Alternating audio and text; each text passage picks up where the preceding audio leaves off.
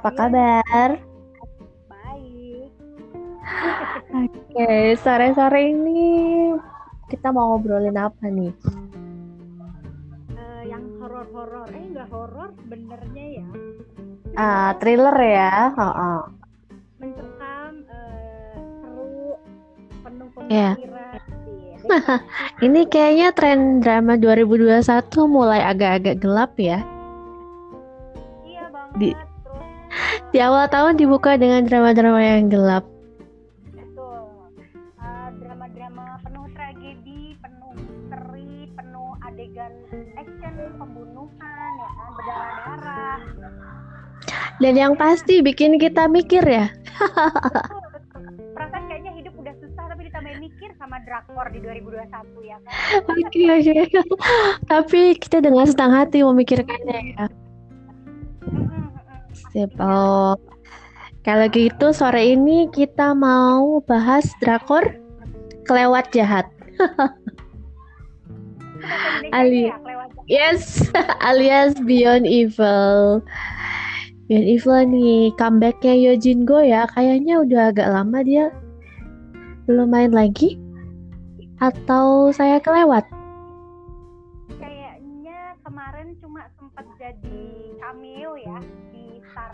Ah, iya.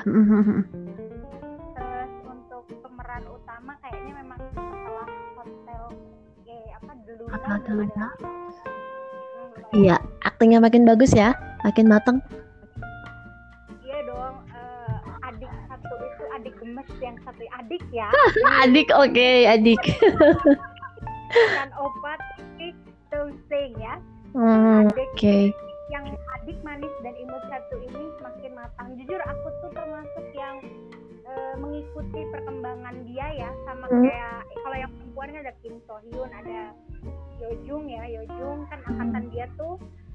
Nah, aku jadi termasuk yang mengikuti perkembangan dia dari zaman Moon Embrace the Sun itu yang dia masih Ah, iya. Mm. anak kecilnya Kim So Hyun yang laki ya kan Mm-mm. terus berkembang eh, tambah kece gitu kan masih kayak modelnya eh, siapa yang sekarang Darem eh Ah, anak bareng. ah, Ya. yang itu di masa remajanya dia gitu kan terus akhirnya sekarang dia udah mulai cium-ciuman gitu kan Kayak mereka berasa anak kecil terus gitu ya. Heeh. tapi akhirnya memang harus eh, mengakui kalau mereka juga butuh berkembang ya maksudnya uh, Hmm. udah bukan anak-anak lagi jadi image itu juga harus lepas dan sekarang setelah kemarin uh, romantis romantisan di hotel de Luna gitu dia sekarang memilih untuk genre thriller ini gitu Iya, eh, ngomong-ngomong si Yojin Go ini memang cocok buat eh, apa ya? eh, sosok yang agak formal ya, karena di Hotel de Luna juga kan dia jadi manajer yang eh, apa ya?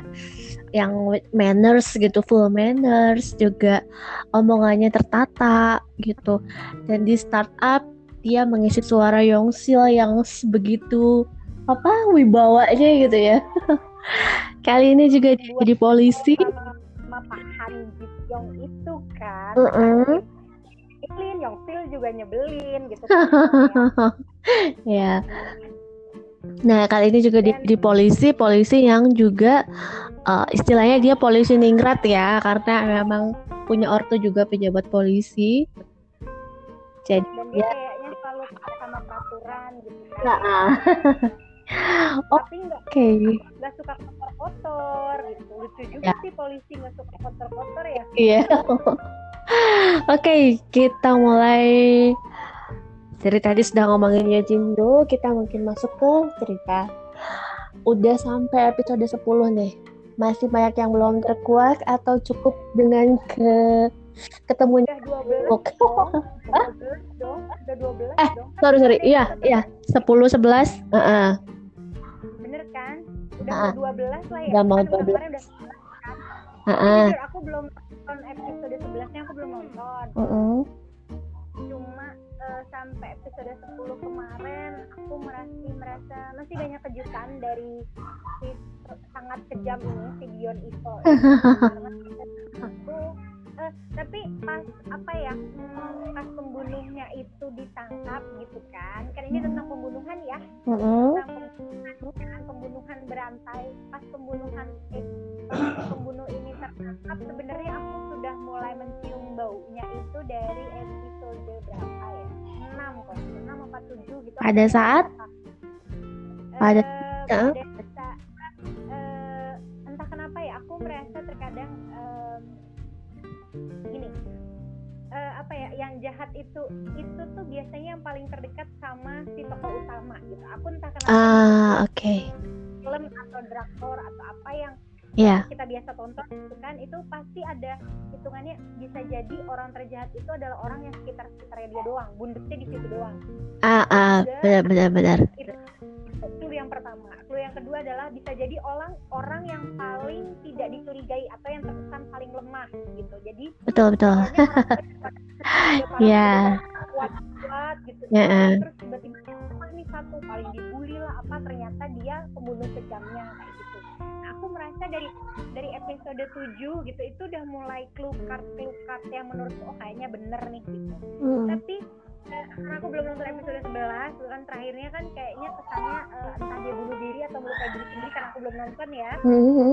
dia merasa bakal ada yang terkuak lagi gitu karena eh, kan pada dasarnya adalah yang dicurigai adalah si tokoh utama kan Iya. partnernya Eugene Go ini. Iya, siapa ha-ha. namanya Eh, Lee Dong Sik. Lee Dong Sik. nah, Lee Dong- Ah. Lee Dong Sik ini kan eh, dia bermi apa, dia be- mempunyai misi untuk mencari kakaknya yang hilang 20 tahun yang lalu Mm-mm. Nah, eh, hitungannya dari dari situ gitu kan. eh, jadi aku kayak masih punya bahwa sebenarnya kayaknya bakal ada dua dua dua tersangka gitu. Maksudnya eh, nggak cuma si yang ini gitu, karena dia selalu mengelak "Ah, bukan gue, bukan gue. Mungkin sisanya iya dia gitu, tapi Ah, bukan aku gitu. ya aku setuju sih kalau drama ini tuh memang bikin kita seujon ke mana-mana ya. terutama Betul. eh, terutama memang ter- eh, tersangka utama eh bukan sorry pemain utamanya itu juga mencurigakan gitu. Jadi membuat kita bertanya-tanya. Nah. ekspresinya itu juga Ya, ini betul. orang enggak ya gitu Ah, ah, kan. Jadinya sih tapi nggak seru kan kalau misalnya ternyata eh, cepat ketahuan gitu bahwa si pemeran utama ini memang melakukan kejahatan bla bla bla kan nggak seru tuh maka memang penonton di bawah muter-muter dulu supaya kita curiga sama semua orang termasuk si Hajuannya itu sendiri si Eugene Go sendiri itu juga pada akhirnya dia mencurigakan juga gitu.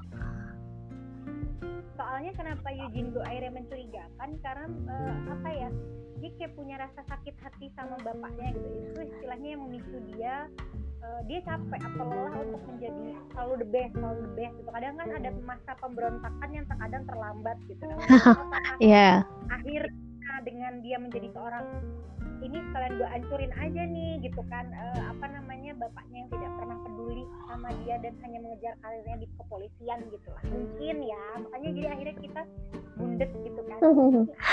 Ada sebenarnya eh apa ya dia kan kekeh ya pengen ngungkap eh, kasusnya si Yuyon itu kan si saudaranya si Dongsik ini.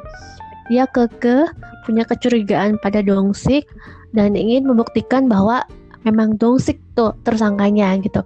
Kan pikir-pikir kenapa? Kan dia polisi dari departemen luar negeri dari Seoul mesti jauh-jauh datang untuk mengupas kasus si Yuyon ini gitu kan kasus kecil istilahnya.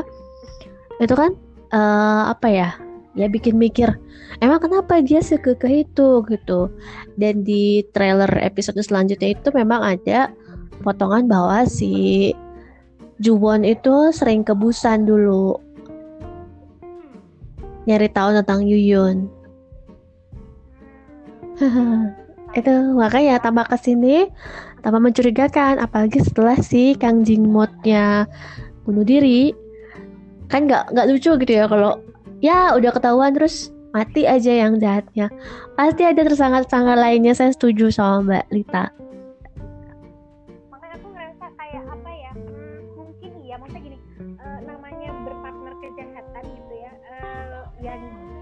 bisa sendirian sih keren banget. Cuma terkadang kan ada ada ya minimal kaki tangan lah gitu itu gitu kan. Nah uh, karena ini kan agak keterbelakangan mental maksudnya nggak tahu keterbelakangan mentalnya berapa jauh cuma nggak mungkin kayaknya dia otak pembunuhannya. Kalau dia cuma eksekusi atau bagian penyelesaian bagian ubur atau setengah bunuh gitu kan atau bagian motong-motong oke okay lah gitu fine. Dia masuk akal tapi kalau otak pembunuh kayaknya belum sampai ke taraf itu dari pemikiranku gitu. Hmm. jadi aku merasa ada beberapa dan uh, aku gini ada satu ajusi yang aku suka di situ juga. Aku ngefans banget sama ajusi ini. Itu yep. yang jadi inspekturnya Lidongsi yang yang ininya yang apa yang yang bapak-bapak tua di oh yang kepala polisi itu? Betul aku bapak yang main di My Wonderful Life. Ya. Yeah. Golden, Golden Life kan itu keren banget dia actingnya. Dia juga akhirnya pada akhirnya mencurigakan tuh mbak? Betul betul. Aku, aku udah mencurigai tuh pas gara-gara dia ngapusin beberapa CCTV itu ya? CCTV betul. Uh -uh. ya maksudnya gitu kan. Itu udah mencurigakan dari dengan dengan penulisnya ya akhirnya mm -hmm. dia membuat semua orang itu punya punya iblis jadi uh, aku pernah nonton salah satu film yang hitungannya uh, itu loh yang filmnya uh, apa masih judul Inggris yang main kayak Jason Statham apa siapa gitu kan mm -hmm. jadi terus ada ada dialognya ngomong gini uh, apa setiap manusia itu punya sisi iblis di dalam dirinya nah aku yeah. percaya sama aku mm-hmm. percaya sisi itu yang berada dalam dirimu. Nah cuman ya beyond evil ini tuh menunjukkan hal tersebut gitu loh. Setiap orang tidak bisa dipercayai gitu. Semua orang punya alibi apalagi alibi untuk menguntungkan dirinya sendiri gitu. Tapi begitu iblisnya dicolek dia bisa jadi orang paling jahat sedunia. Iya mm-hmm. tergantung triggernya apa ya. Uh-uh. tergantung triggernya apa jadi cowok polos yang ada lesung tipis yang paling mangne di polisi pun dia punya punya uh, hitungannya dia punya trigger untuk melukai atau menjadi seorang penjahat dia punya oke okay. mood di polisi itu itu dia yeah. kalau aku yang masih merasa ini ya merasa dari awal bahwa orang-orang di Manyang itu mereka uh, menutupi sesuatu gitu. Jadi polisi-polisi yang suka makan daging bareng ini kayaknya mereka tuh punya rahasia gitu. Punya rahasia yang mana saling menutupi termasuk si siapa tuh yang anggota dewan ibu-ibu itu sama si yang pemilik pengembang yang pemilik konstruksi itu loh pengembang bapak-bapak ah, bapak-bapak yang pakai tongkat itu ha -ha. kayaknya jadi mereka ini kayaknya memang punya sesuatu di masa lalu entah apa yang menutupi ya saling ditutupi. Udah gitu kan penemuan tulang demi tulang di setiap episode ini ada lagi banyak banyak banyak gitu kan. Artinya Manyang ini sebetulnya dulunya ngeri gitu kayaknya nah ini yang belum kebuka. Terus juga si anaknya anggota dewan itu si Park Jong Jae itu juga itu misterius itu. Itu aku masih iya iya itu uh, misterinya belum kebuka dia. Karena dia menggambar rusa itu kan. Itu itu itu termasuk dalam list uh, tersangkaku yang iya. berikutnya ya, betul. Iya itu. Uh, dia kan di ini banget sama ibunya ya di apa dikontrol banget sama ibunya sementara dianya sendiri pengen berteman sama si Dongsik kan. Itu memang dia mencurigakan juga. Kenapa semua misal Dongsik sudah jadi tersangka. Nah yang menyelamat itu kan ini yang yang membuat apa si Dongsik punya alibi pasti dia gitu iya. Yeah ya ya kan maksudnya ini orang ngapain sih gitu kan? Yeah. ya, kalau misalkan aku itu kan walaupun dia teman dekat ya salah buang aja gitu. Maksudnya bukan berarti kita buang dalam artian dia harus mengakui kalau dia bukan orang baik gitu kan. Uh -uh. kenapa gitu? Uh. setiap ini kok padahal mungkin bisa jadi dibuat-buat mau bisa jadi juga belum tentu bener gitu dia sama kita gitu kan. Tapi kayaknya terkesannya kok ini tuh bela banget gitu bahwa uh, uh, kok dia bla gitu kan nah, biasanya orang paling begitu justru dia yang jahat gitu kan Iya, benar-benar. Dan dia kan kesannya apa ya? Kesannya polos kan ya? Kesannya polos, anak mami gitu kan. Terus, tapi dia sendiri dia mengakui dia membunuh seekor rusa. Yang mana sih rusa ini belum didefinisikan siapa gitu yang dia maksud rusa itu. nah, Terusnya kan dia sempat kabur ceritanya disekolahin ke Amerika padahal ke rumah sakit jiwa ya kan? Buat mengurangi stresnya gara-gara nabrak rusa ya kan? Iya.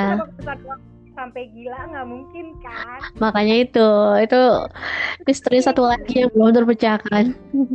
Nah kenapa nih ya? Feeling feelingku waktu tentang si siapa? Si anak anak dewan ini adalah eh, dia entah, entah, entah tanpa sadar entah dia mabuk atau gimana lah gitu kan. Ah nabrak dongsik nah nabrak kayak dongsik terus dilaporan sama cara anak mami ya kan? Telepon emak nelpon emaknya gitu kan terus akhirnya dikerja sama tuh sama si siapa mantan suaminya si Mm-mm. inspektur si pembangun itu.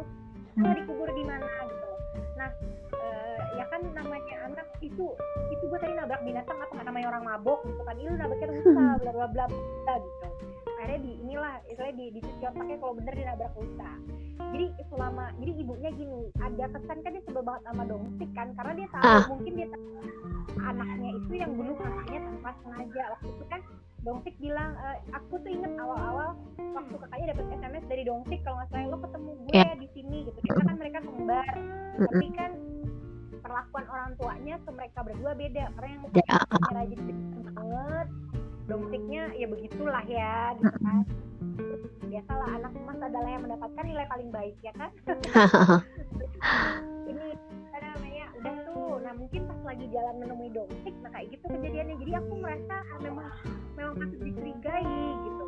Nah entah kenapa si bapak si bapak inspektur ini juga bisa jadi juga eh, yang nggak tahu ya maksudnya ada beberapa memang yang menurutku misterius gitu loh. Ah. Memang apa lingkaran setannya belum kebuka semua lah gitu. Itu kemarin di episode terakhir itu sebenarnya udah ketahuan posisi mayat si Yuyun itu. Oh, Ada ya jadi menurut pengakuan Aku tuh biasanya eh, nonton langsung dua episode, jadi maksudnya biar nggak nggak nggak terlalu penasaran gitu. Jadi biasanya begitu udah keluar 12 gitu kan, aku langsung mau nonton tuh maraton 11 12 gitu. Jadi enak gitu kan. Makanya aku belum nonton ya episode ini. Cuma karena dirimu udah bilang udah terungkap sih, jadi aku harus nonton. Iya, jadi kan eh, menurut pengakuan si Kang Jin Mok itu kan dia bilang, aku tidak membunuh Yuyon, aku mengembalikan Yuyon padamu gitu kan. Dia bilang ke Dongsik gitu. Nah ini memang eh, nggak jelas apa. Terus pada saat itu Dongsik ngomong sama ibunya, ibunya kan lagi sakit ya, terus agak, eh, agak meracau gitu. Jadi eh, entah kenapa akhirnya Dongsik ngebongkar tuh tembok di rumahnya dan nemuin tangan si Yuyon itu. Itu emang agak kurang jelas sih adegannya ya, ada agak-agak kurang jelas dia pegang apa, tapi si Dongsik itu ya nangis-nangis depan tembok itu, maafkan aku, maafkan aku baru menemukanmu di sini gitu. Nah ini, ini masih belum ketahuan juga kenapa Jin Mok bilang bukan dia yang bunuh, tapi dia yang mengembalikan istilahnya mengembalikan jasadnya ke rumah si Dongsik gitu. Iya.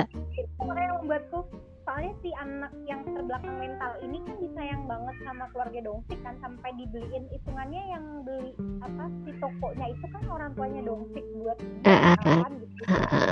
Ngerasa nggak mungkin karena gimana pun mungkin dia ada balas budi nggak mungkin lah gitu tapi eh, yang tak terbang tahu siapa yang bunuh gitu kan cuma nggak bisa ngomong karena dia ikut Bisa jadi. Pokoknya dia nggak ada motif ya. Iya. Ah, ah, kalaupun dia misalnya mau bunuh Yuyun itu sebenarnya nggak ada motif. Kalau dia ada motif kalau dia membunuh si Kang Minjung dan juga ngebunuh siapa waktu itu yang mantan pacarnya itu itu kan emang semuanya eh, cewek-cewek malam ya. Cewek-cewek malam dia bunuh-bunuhin kan? Nah kalau si Yun ini memang dia nggak ada motif sih kalau mau bunuh gitu. Jadi mungkin saja ada orang lain yang terlibat gitu. Betul ada karena dia juga udah terlanjur kaki tangan Aha. dan dia sengaja melihat jadilah ya udah deh. Eh, karena dia nggak bisa ngomong ya udah jadi dia balikin aja tuh jasad di gitu. Iya. Aduh tambah seru. aslinya ini siapa? Iya. ini biasanya nggak jauh-jauh sih. kalau kamu targetmu siapa? Dari misalkan anggapan tiga teratas deh tiga teratas ada siapa? Waduh, oke yang yang paling mencurigakan menurutku ya si eh, Han Juwon sendiri, yang kedua adalah Park Jung Jae, yang ketiga, em, well, eh, yang ketiga ini nih, Cap Cup Cup Kembang Kucup, kayaknya sih antara ibu dewan atau si bapak kontraktor atau mungkin bapaknya Juan superintendent itu Nah, Lita apa nih Lita siapa nih yang mencur yang bos mencurigakan pertama Jung Jae kalau aku pertama nih pas pertama Jung Jae karena Oke. dia ada miss di miss ingatannya itu yang harus dicari tahu Iya, bener ah. sih Mm-mm. aku merasa di situ kuncinya adalah di ingatannya yang hilang yang dia disengaja dibilang di apa keluar negeri tapi ternyata di rumah sakit jiwa nah itu ya Ah, ah, ah, ah, ah. Terus yang kedua setelah ingatannya Park Jung Jae ada gitu kan nah ntar ketahuan deh itu siapa ini apa eh, tangan bisa jadi ditabrak masih hidup nah pas matinya adalah napas pemindahan nah itu yang perlu di ini tuh Hmm. Nah, tapi yang targetku kedua itu eh, entah kenapa feelingku malah ke ini ke siapa ke yang bapak yang aku bilang idolaku Ajusi Idu itu. Oke, Kedua bapak kepala polisi ya. ya, serius loh maksudnya. Ya, ya. eh, dan dia mau masuk masuk masukin gini? Dia kan pernah menginterogasi Lee Dong Sik. Kenapa dia masukin Lee Dong Sik ke dalam timnya? Padahal dia udah punya track record seorang eh, tersangka pembunuhan. Ah, ah, benar benar. mungkin kalau kalau dia nggak punya motif apa pun gitu kan. Ah, berarti ada yang ada yang dia sembunyiin kan ya? Betul, jadi hitungannya aku butuh kambing hitam kalau sewaktu-waktu aku tertuduh atau apa pun Oke, lah. ah. Nah, itu yang kedua. Nah kalau yang ketiga, aku tuh belum tahu eh, Hajuan ini motifnya bagaimana. Cuma kalau pas karena dia, gini, ad- ada di masa-masa dia kecil umur segitu kayaknya nggak mungkin jadi pembunuh gitu. Kecuali kalau kecuali kalau dia bener-bener psikopat ya. Cuma Nah.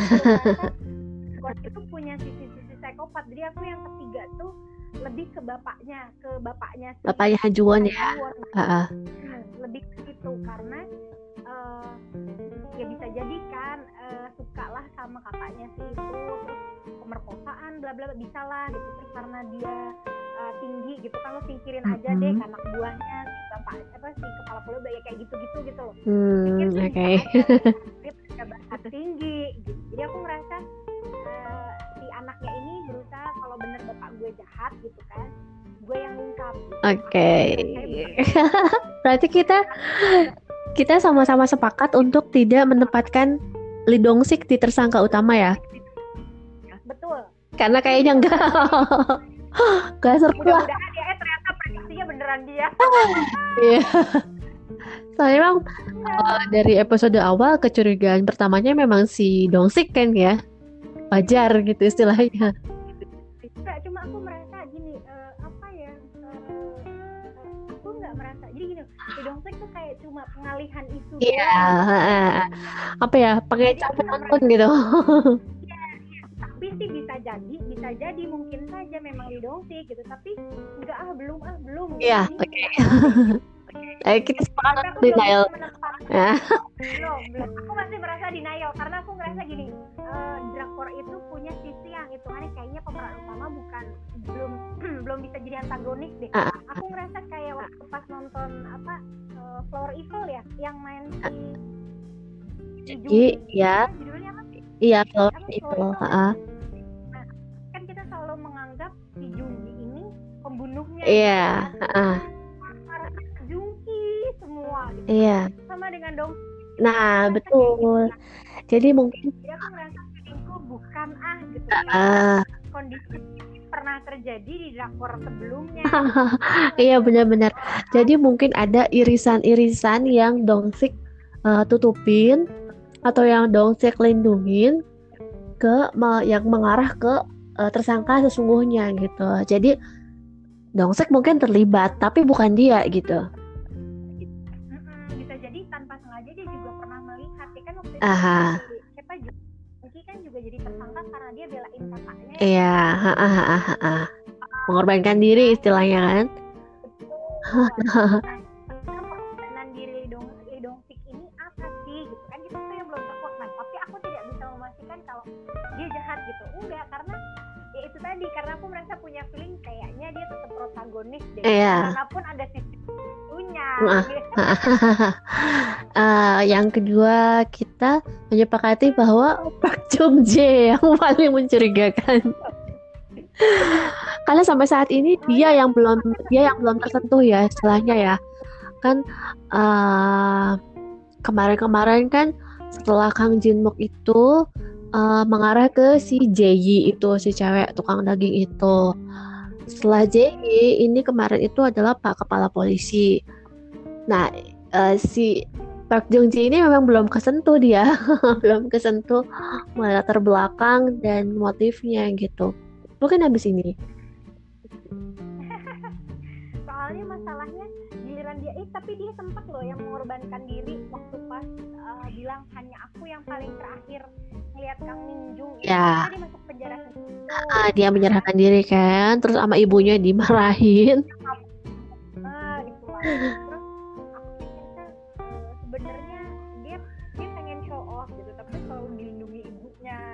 kan ya bisa jadi itu juga salah satu alasan ah gue aku pembunuh aja tuh juga ibu gue bakal ngebebasin gitu ya.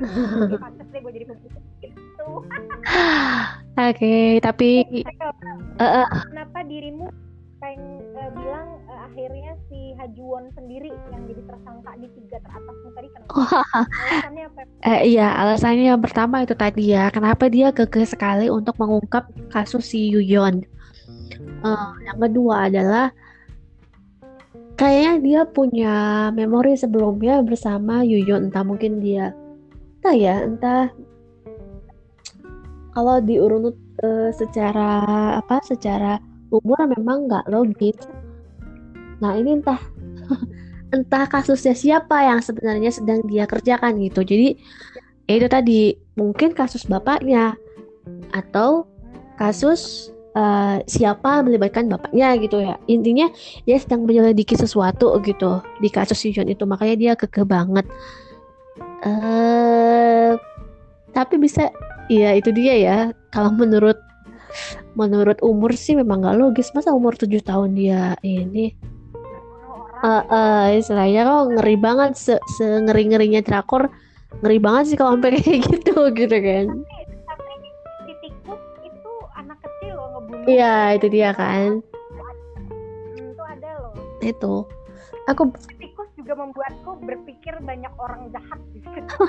Iya. Cuma pikiran uh, pikiranku belum setega itu gitu. pikiranku pikiranku belum setega itu gitu untuk memblame anak kecil sebagai psikopat gitu. Jadi belum tega lah aku jujur dari segi segi cerita mereka punya keunikan masing-masing ya antara si tikus sama si ya, uh -uh. kalau lebih manner maksudnya lebih uh, apa kemisteriusannya sih aku merasa uh, Beyond Evil lebih dapat ah gitu.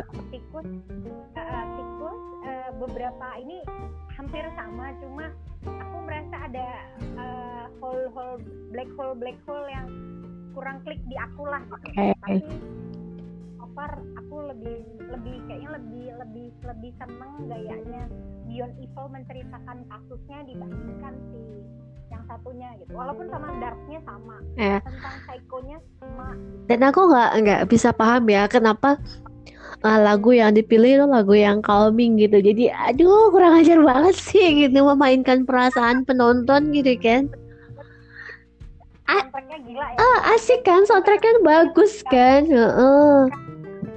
tapi lebih melo lebih iya. hanyutkan perasaan penonton banget yang dikala tegang lagunya malah yang ada sih beberapa tegangnya ada. Cuma yeah. setelah itu tuh langsung dihajar lagu uh, maksudnya tuh langsung mematahkan hati ini eh ternyata bukan lo langsung melo gitu. eh gitulah aduh tapi keren banget eh, apa ya eh, memain apa memainkan emosi penonton terus dari sudut pandang apa pengambilan gambarnya juga bagus padahal itu ya setting Hmm? settingnya Beyond Evil itu kan istilahnya cuma di satu kota kecil Manyang itu aja kan mereka berapa dari angka ya 1 sampai 10 deh berapa rate ah sampai saat ini 8 kalau aku oh jangan-jangan gara-gara bias bias Yojingu doang Gak, gak, gak. eh gak, gak. eh ya bagus lah. Selain salah satu yang bikin tangan dan kakiku dingin saat nontonnya gitu.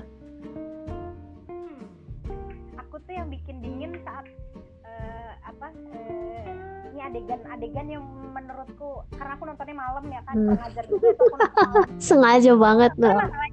bukan bukan bukan maksudnya kondisi memang memungkinkan aku nonton malam Iya betul. betul. dan dua satu kan dari semua tuh Hmm. gimana cerita aku nonton siang kan nggak mungkin logis bermain sama anak-anak kali dia suruh gua tontonin apa adegan pembunuhan Iya, ha. nonton malam gitu terus adegan di mana si Dongsik tuh nyusunin 10 tangannya Kim Kamu itu tuh langsung merinding tubuh. Iya. ya gitu.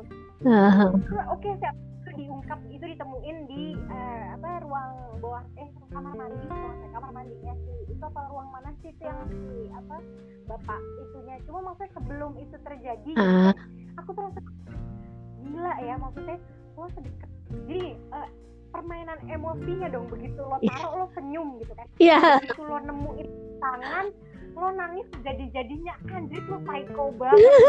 Iya, iya, iya benar benar benar.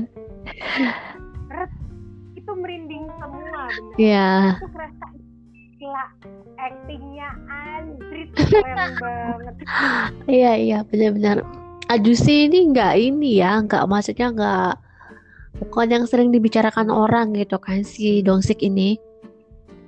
Tapi cocok gitu, somehow cocok dengan peran peran apa karakternya di sini pas gitu ya dan seringai menyebalkannya itu gitu, seringai yang ah gila lu jahat apa enggak sih gitu. Oh. bayanganku kan karena mudanya adalah Lee Do Hyun ya Ah. saya tim mas kunang-kunang gitu kan ya aku uh, nonton Beyond Evil uh, alasannya juga karena mau yang kunang-kunang lagi Ah. Kunang-kunang ke dia gitu tuh nggak terlalu apa ya jomplang Iya, banget benar-benar, gitu, benar. apa istilahnya ya. masih punya kemiripan sisi-sisi mukanya juga gitu. Mereka punya senyum yang lebar ya, senyum yang lebar. Terus habis senyum itu pada saat mingkem tuh langsung mulutnya langsung berubah gitu. Ah, ah, bener jadi dia punya sisi-sisi memang misterius gitu ini orang bisa bisa baik gitu kan dan itu yang menurutku dan dapet banget waktu pas adegan yang itu narok kan dia senyum terus begitu begitu ketemu dan itu senangis jadi jadi itu gila banget itu, itu gila Iya iya. itu gila itu langsung ret merinding sekujur tubuh gitu Oke. heeh. Dan langsung beyond evilnya dapet banget gitu. beyond evil wah udah bener Kalau Lita ada ada karakter favoritnya nggak nih? Karakter favorit mungkin entah ya di antara nggak apa-apa yang mereka yang mencurigakan juga eh memang favorit gitu. aku sih Lee Dong Sik Gitu ya. Favorit Iya sih. Dia dia bagus sama banget ya. dia Apa? memperlihatkan kegilaannya gitu apa selebor gitu kayak orang yang selebor selengean gitu kan ya dan eh, udah gitu selain Lee Dong Sik aku suka Park Jong Jae sebenarnya ah aktor eh, menurutku kawakan maksudnya gini aku sering lihat Park Jong Jae di banyak drama gitu kan. Walaupun dia main peran-peran kecil tapi eh, dia punya impression buatku. Kayak di Brahms kemarin kan. Ah dia kan jadi Brahms itu kan dia jadi eh, apa manajernya si Kim Jae yang hitungannya pemeran utama kan. Tapi Oh, nilainya dapet oke. kan. Buang jauh banget gitu perbedaannya antara si eh, direktur tengil dengan eh, polisi yang anak mampu dulu dia di Flower of Evil kan jadi polisi juga kak inget nggak dia jadi bosnya si uh, Moon Chae-won itu. Iya, iya, iya, iya. Pakai kacamata tapi kan dulu kan dia. Ya, ya, uh, terus uh, di situ kan dia uh, taat hukum banget.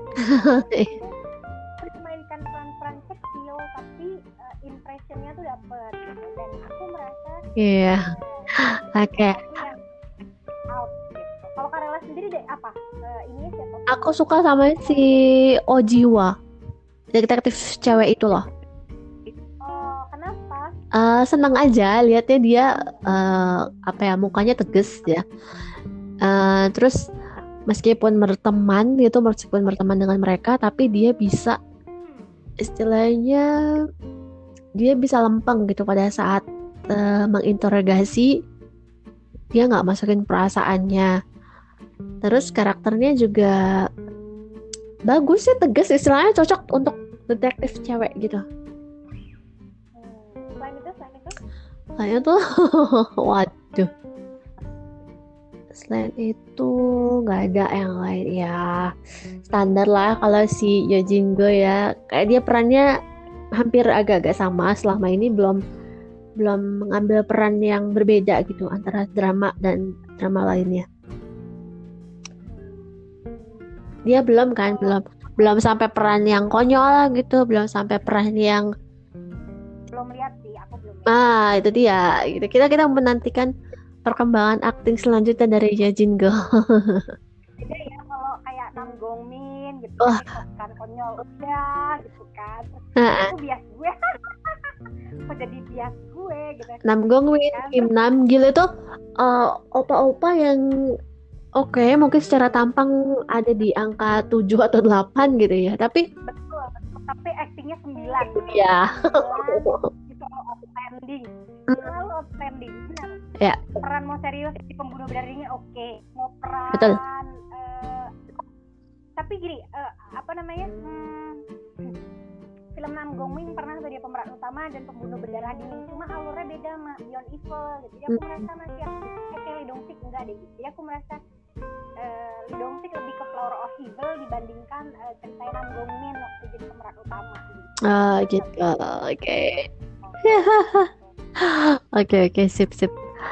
Oke, kalau gitu kita lanjut lagi nanti di drama selanjutnya. Drama selanjutnya kita mau ngomongin apa ya Kak Lita?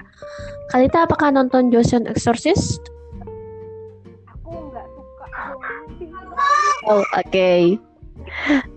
Iya. Itu seneng dark tapi masih yang eh, thriller kayak gini pembunuhan kayak tikus gitu oke lah. Ah, oke. Terus, aku suka yang manis-manis kayak Hello Me aku Mm-mm. suka Oke lah.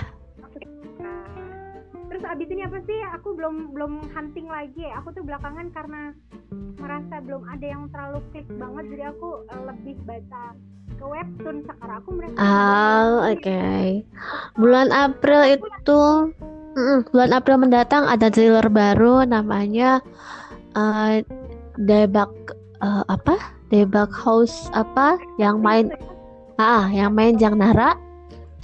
Eh, oke nanti sih. tapi Hah? aduh aku masih mengurungkan maju mundur nonton enggak gitu Oke. soalnya apa ya aku ngefans aku ngefans sama Jonghwa tapi lebih ke sisi dia sebagai musisi bukan aktor ya kalau aktor aku merasa aktingnya Jonghwa belum se wow itu gitu Oh, I see. Sama Taekyon, aku salut sama Taekyon aku jujur cukup, Iya. eh, impress sama aktingnya Taekyon di Vi- Vincenzo. Oh, Eh, biasanya kan eh, Taekyon ini lebih ke apa ya eh, banyol konyol kan? Pertama kali dia di Dream High gitu kan. Kan gitulah clumsy bener-bener idol banget lah Ah, iya, iya, iya. Ya nggak perlu, nggak nggak butuh effort acting yang terlalu gimana gitu ya.